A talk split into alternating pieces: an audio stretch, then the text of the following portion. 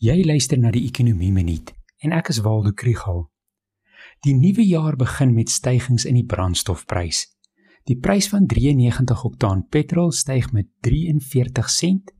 'n Liter gaan nou R14.69 kos in vergelyking met R15.84 'n jaar gelede. Die prys van 95 oktaan styg met 40 sent en die dieselprys met 55 sent.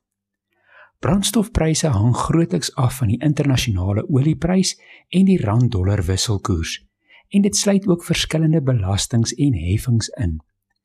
Op die oomblik is die stygings in brandstofpryse die gevolg van stygings in die olieprys wat groter is as die onlangse versterking van die rand. Die olieprys het die afgelope week vir die eerste keer sedert Februarie bo 50 dollar per vat verhandel. Tydens die eerste vlaag van die COVID-19 pandemie en inperkings wêreldwyd het baie minder mense gereis vir werk of vakansie en daaglikse pendelritte is vervang deur werk van die huis af. Die vraag na brandstof was kleiner en die olieprys dis laag.